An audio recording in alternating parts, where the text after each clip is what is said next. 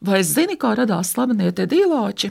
Vārdu salikums Tedīlāts nāk no ASV 26. prezidenta Teodora Rūzvelta, kura saīsinātais vārds bija Tedijs. 1902. gada novembrī, kad Rūzvelts viesojās Mississippi štatā, gubernators viņu uzaicināja uz medībām, jo prezidents bija kaislīgs mednieks.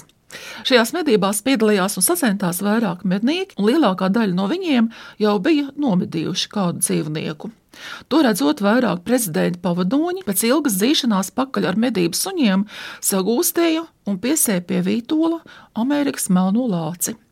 Viņi pasauca prezidentu un ierosināja, ka lācīti vajadzētu nošaut, bet prezidents atteicās to darīt, pamatojoties uz to, ka tas būtu nekrietni un nesportiski, un lika lāci atbrīvot.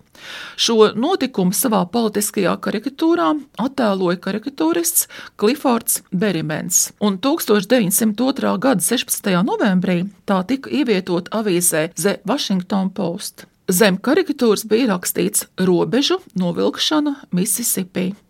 Šo karikatūru ar Rooseveltu un Lāci, kurš piesiets pie koka, ieraudzīja uzņēmējs no Bruklinas, Moris Vičtoms. Viņu šis zīmējums iedvesmo radīt plīša rotaļlietu. Uzņēmējs sieva Roza uzšuva mazu lācīti no plīša auduma atgriezumiem, piešūtam pogu atsteņas, piepildīja ar zāģu skaidām un ielika to savā sveču veikala skatlogā kopā ar karikatūru un klāt pielika zīmīti, kur bija rakstīts Tedija Lācis. Tā cerot piesaistīt savam veikalam lielāku uzmanību.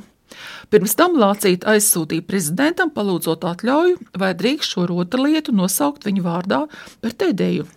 Pēc kāda laika Mičtoma kungs saņēma oficiālu vēstuli no Baltā nama, kur bija rakstīts: Nesmu pārliecināts, ka mana vārda izmantošana veicinās panākums plīša lāciešu ražošanai, bet, ja jūs tā uzstājat, tad varat nosaukt lāci manā vārdā.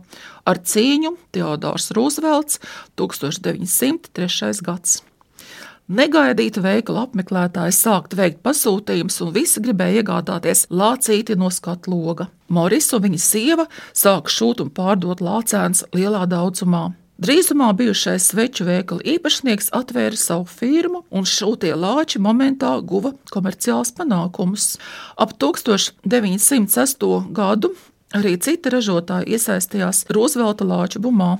Sievietes šādus lāčus nesēja līdzi visur, tika drukātas kartiņas, bērni tika fotografēti ar lāčiem, un pat prezidents Rūzvelts vienu no lāčiem izmantoja kā talismanu vēlēšanās.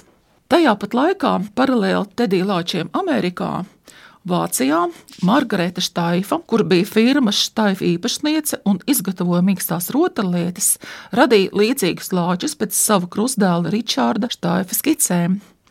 Iedvesmu jaunu lāču dizaina radīšanai Ričards guva noskatoties ceļojošā cirka izrādi, kurā lāči staigāja uz pakaļkājām. Laika posmā starp 1903. gadu un Pirmo pasaules karu štāja firma pārdeva miljoniem lāču, un tie bija tikpat populāri kā Tedija. Štāja firmas lāčus varēja atpazīt pēc austiņām iestrādātas metāla kniedītes un stikla atstiņām. Starp citu, kad notika kuģa Titanika katastrofa, štāja firma izlaida ražošanā 500 sēru lāčus melnā krāsā. Šobrīd tie ir kļuvuši par antikvāru retumu, ko ļoti medī antīko lāču kolekcionāri.